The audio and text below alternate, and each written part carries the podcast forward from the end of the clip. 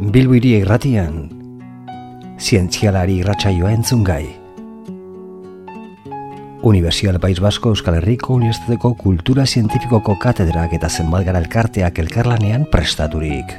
Zientzia gizarteratu eta haren balio, historia eta lorpen nagusiak edatzeko. Izarren hautsa egun batean, bilakatu zen bizigai. Jon irasusta astia zaran, UPVHUko medikuntza eta erizaintza fakultateko irakaslea eta ikartzailea da.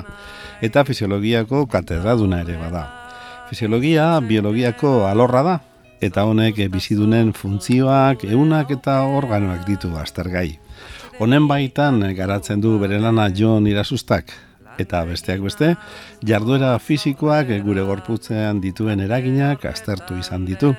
Esaterako, aur, heldu, nagusi eta kirolariengan ariketa fisikoak zen olako onurak dituen aztertzeko saio ugari egin du. Baina irakaslea eta ikertzailea izateaz gainera, divulgatzaile ere badaion, eta amaika itzaldi eta artikulu idatzi ditu honen bueltan. Hori du bere egia, ekin ta ekin bilatzen ditu, zaiatze hortan ezin gelditu, jakintza eta argia. Jakina denez, osteoporosia ezurrei eragiten dien gaixotasuna dugu.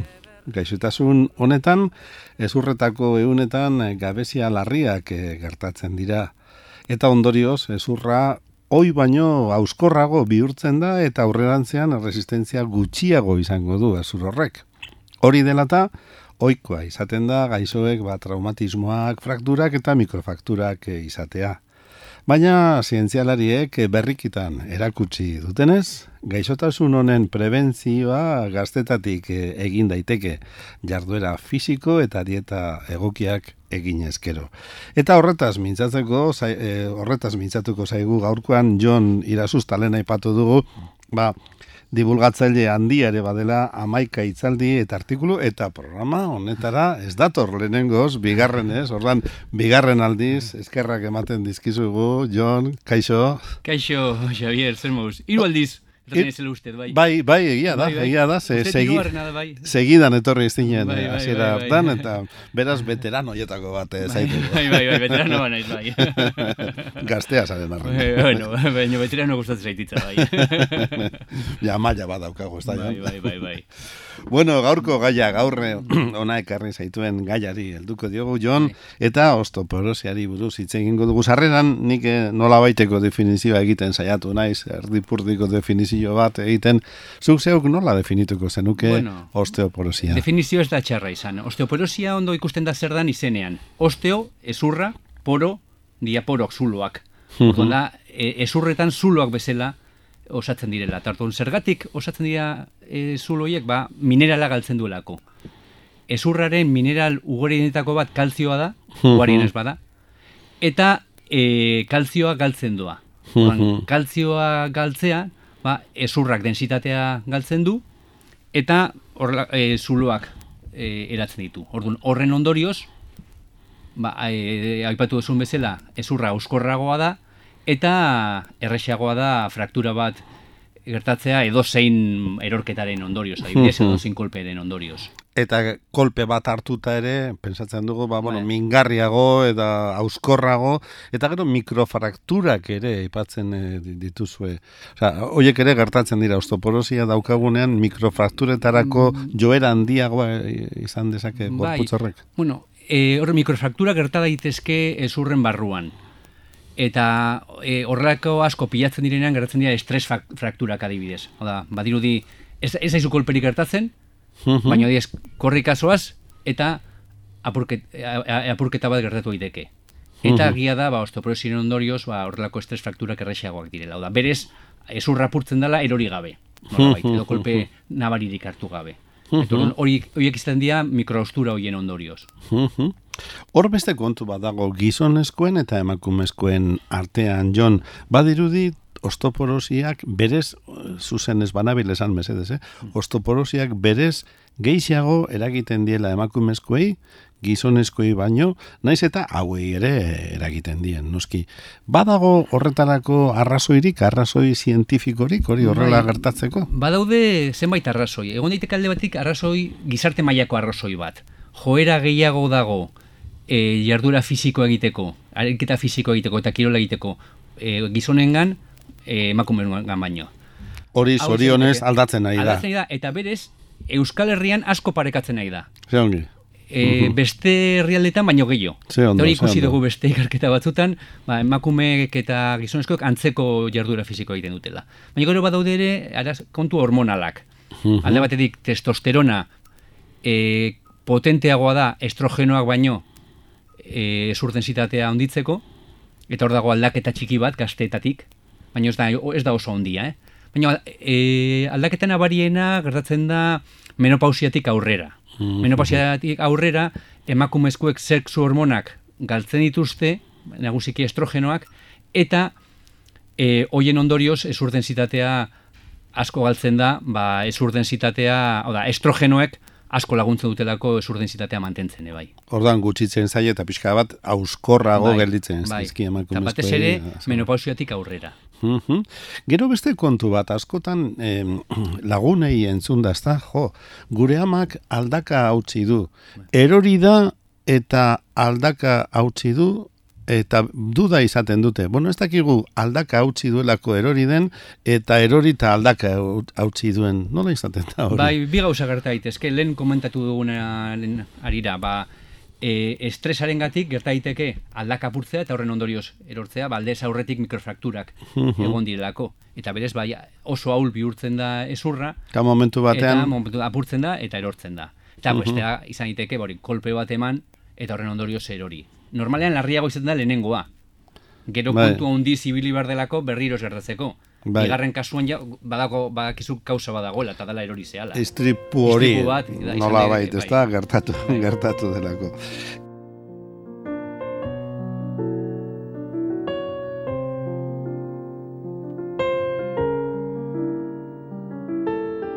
E, osteoporosiaz ari gara, Jon, eta normalean, eh, denetariko kasuak egongo dira, baina normalean noiz eta nola e, detektatzen dira, diagnostikatzen dira e, osteoporosi kasuak?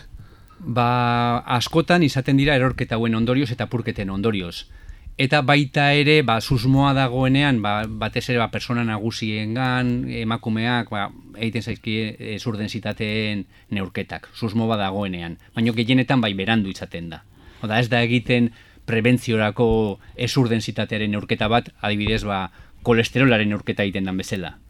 edo trigliseriona edo glukosena. Ba, analitika, oiko analitika bat egiten desunean, e, neurtzen dizutenak. Arrazoi bat izan daiteke, ba, proba garestiagoa dala.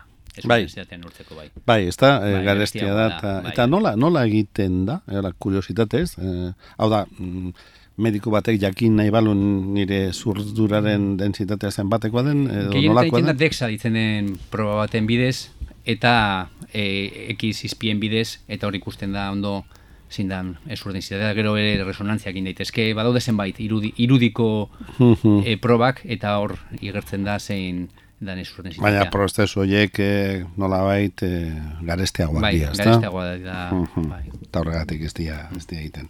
Erki, bueno, e, prebentziorik ez da erabili orain arte, ez da?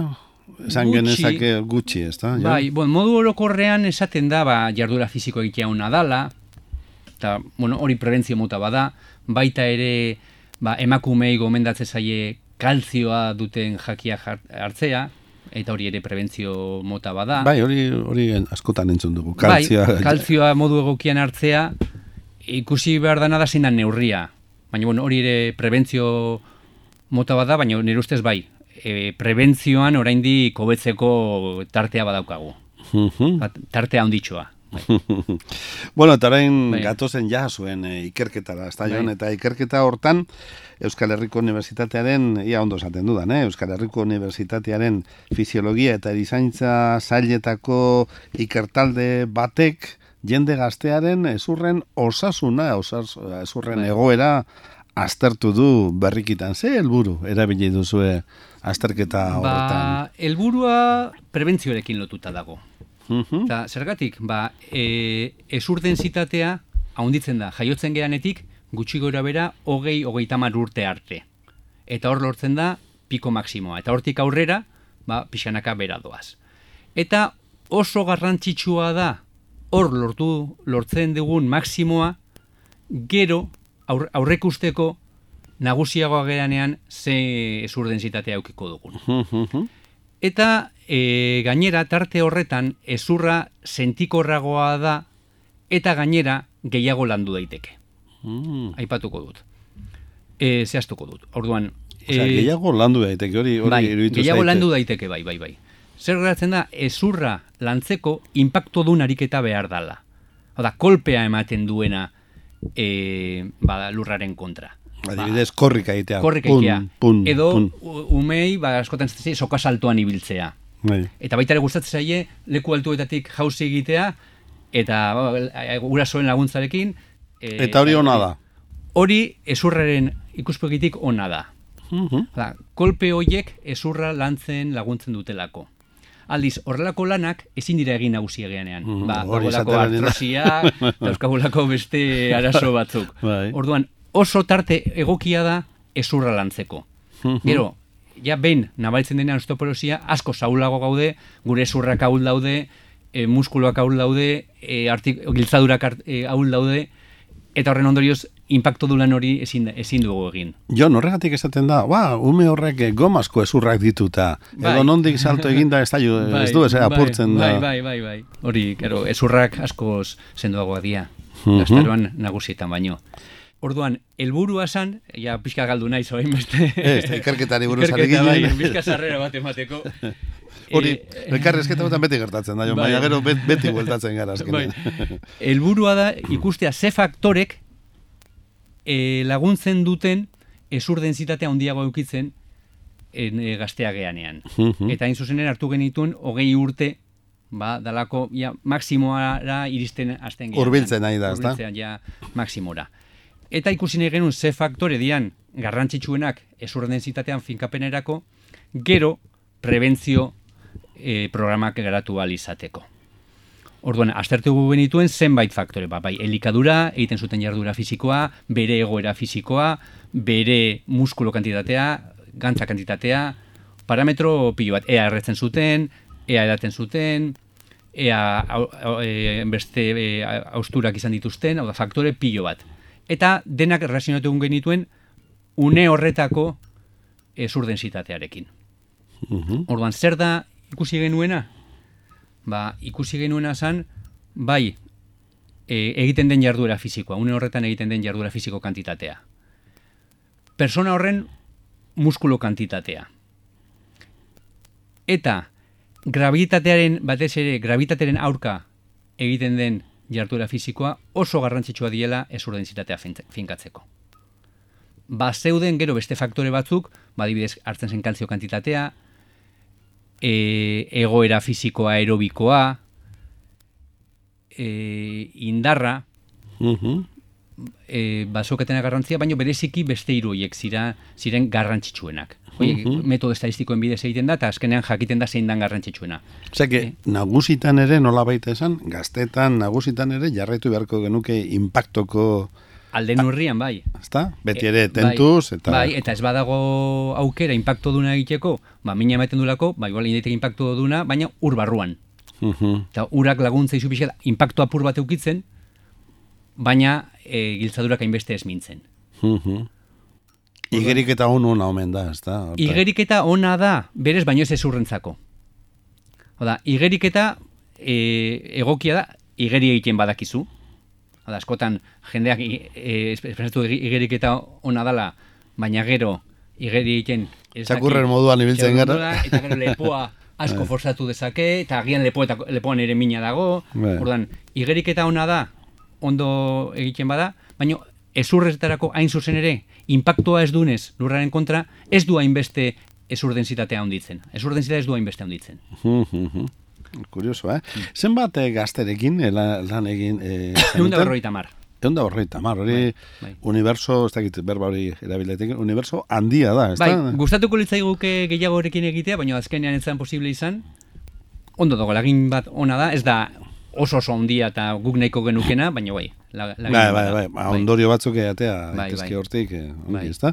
Eta gero, haiekin hitz egin zenuten, behin eh, ikerlana eginda gero, eta eh, aipatu zenieten haiei ze maitza euki duten, edo... Ez, ez, ez berezik. Bueno, bakoitzari bai, bakoitzari ematen zitzaion txosten bat, bere emaitza azalduz. Baina gero emaitzak azaldu ditugu ba, kongresuetan, artikuluetan, eta olakotan gehiago. Mhm. Bai, Eta baina, hemen. bueno, baina parte, baina parte de jakin dute. Bai, jakin dute berea. Mhm. berea. Bai. Eta argi eta garbi, eta hurbiltzen ari gara ja amaierara jon, e, ikerketa horren ondorioak eta aipatu dituzu, eta e, argi eta garbi, esan behar dugu, ariketa fisikoak e, izugarri laguntzen diola osteoporosiaren prebentzioari, ezta? Bai, modu egokian egiten bada, bai. Hori, azpimarratu bitz horiek igual, bai, ezta? modu egiko- egokian egiten bada. Gerta daiteke, ariketa fisiko gehiegi egiten bada, eta gutxi jan, kontrakoa gertatzea. Ariketa fisiko asko eta gutxi jan kaltegarri. kontrakoa, bai. E, gantz portzentaia murrizten delako, eta sexu hormonak, hain garrantzitsuak direnak, ezurren, e, ezurren finkapenean, ba, murrizten direlako. Mhm. Sexu hormonak gantzetatik datoz. Mhm. Orduan gerta daiteke zenbait kasutan eta bereziki hau emakumezkoetan ikusi da gehiago, Mhm. Estatistikoki ari zara. estadistikoki bai bai bai bai. E, hori, e, emakumeak oso gutxi jaten dutenak, pisuaren kontrolertxia eta jarduera fisiko asko egin, eukitzea lehenengo amenorrea ditzen dena, hau da hilerokoa galtzen dute, eta ondoren ere ezurdensitatea murritzago auki dezakete. Eta Mhm. hau eturkizunerako arriskua da. Baina argi utz dezagun horrek ez duela esan nahi, eh, esaten ari garenik emakume kirolik egin behar ez dutenik, ez da inondik ere. Ez da inondik ere, ez inondik Eh? ere. E, kontuan euki behar dena da, ba, pisu egokia mantendu behar dela. Oda, ez da Mhm. euki behar ez pisu gutxiegi, ez da pisu gehiegi. Pisu gehiegiak ere ezurrean kalteak sortze ditulako, hori ere ikusi dugu. Aha, aha. Karo, ze, ezurrak alako masa handi bati eutxi behar dio, eta kaltetu, ez da? bai, eta gero badago beste kontu bat ez duena aipatu, ez da bakarrik e, arazo mekaniko bat. E, muskuluak badiluri jariatzen dituela zenbait sustantzia ezurrai mesede egiten diotenak. Miokinak ditzen dira, eta Eta horiek eh, Eh, giarretatik eh, giarretatik- ezurretara. Bai, odol, odolaren bidez ezurretara. Eta aldiz, e, gantzea, ga- e, gantzean badaude beste zenbait sustantzia, adipokinak deitzen direnak, eta horiek kontrako egiten dute, kalte egiten dute. Mm, Orduan, leheno pensatzen zantena zala kontu mekaniko bat. Baina gaur egun ikusi da, badaudela sustantzia batzuk, odoletak dabiltzenak, hormonak dira azken batean, eta horrek eragin auki dezake baita ere ezurretan. Azken finean, ezurrak eta giarreak eh, batasunean daude, Bai. ezta nola baita esan, Bai. batasuna osatzen dute, Bai, ezta? hitz egiten dute. Esaten da hitz egiten dutela, bai mekanikoki eta bai kimikoki. Aizu, Bai. makal zabiltza azken Bai. Ia lan pizkat egiten duzun. Bai. da.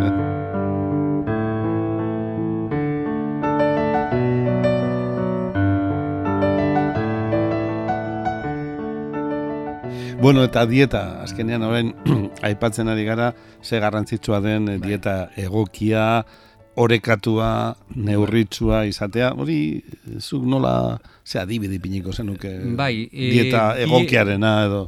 E, dieta izan behar du orekatua jarduera fisikoarekin. Eta gainera orekatua zentzu batean, eta da bereziki, osteoporosi begira, kalzio nahikoa daukana, D vitamina nahikoa daukana, baino hau eguzkiarekin konpondu genezake, eta proteinetan nahikoa dana. E, horrela, proteinetan nahiko aukita, ba, muskuloa zaintzen dugu, eta muskuloa zainduta ezurrere zainduko dugu. Baina batez ere, e, batzutan e, termino hau ezai gustatzen nutrizioko zenbait adituei, baina gustatzen zait izatea orekatua. Horrek esan edu denetarik, ezta? Eta bueno, ne- denetarik ez, gauza batzuk beste batzuk baino gehiago. Bai. Bada, asko sobea da, ba, frutak, e, verdurak, e, bueno, barazkiak, Okela esnea, okela neurrian, Bai. ba, azukredun, azukre asko dun jakiak baino. Bai. Hoiek hobeak dira.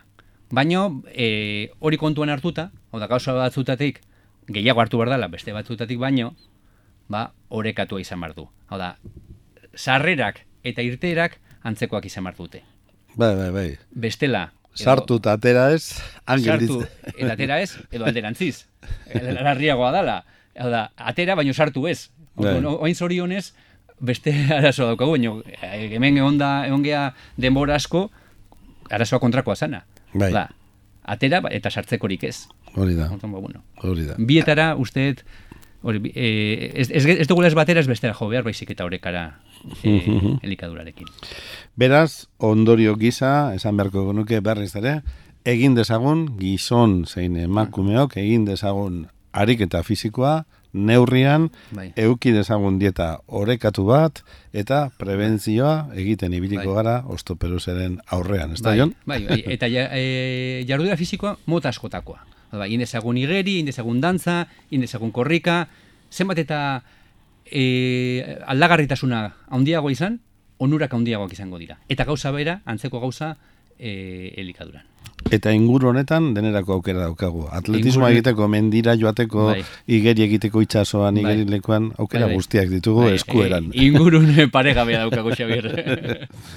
Bueno, Jon, ba, mila esker gaurkoan ere, Vale. berriz ere, veterania hori erakutsi duzu dena, ondo, ondo esplikatu diguzu. Mila esker. Eta urrengo baterako ere deituko dizu, Bai, eh? nire zutenean. Mila esker. Universidad País Vasco Euskal Herriko Unibertsitateko Kultura Zientifikoko Katedrak eta zenbat gara elkarteak elkarlanean prestaturik.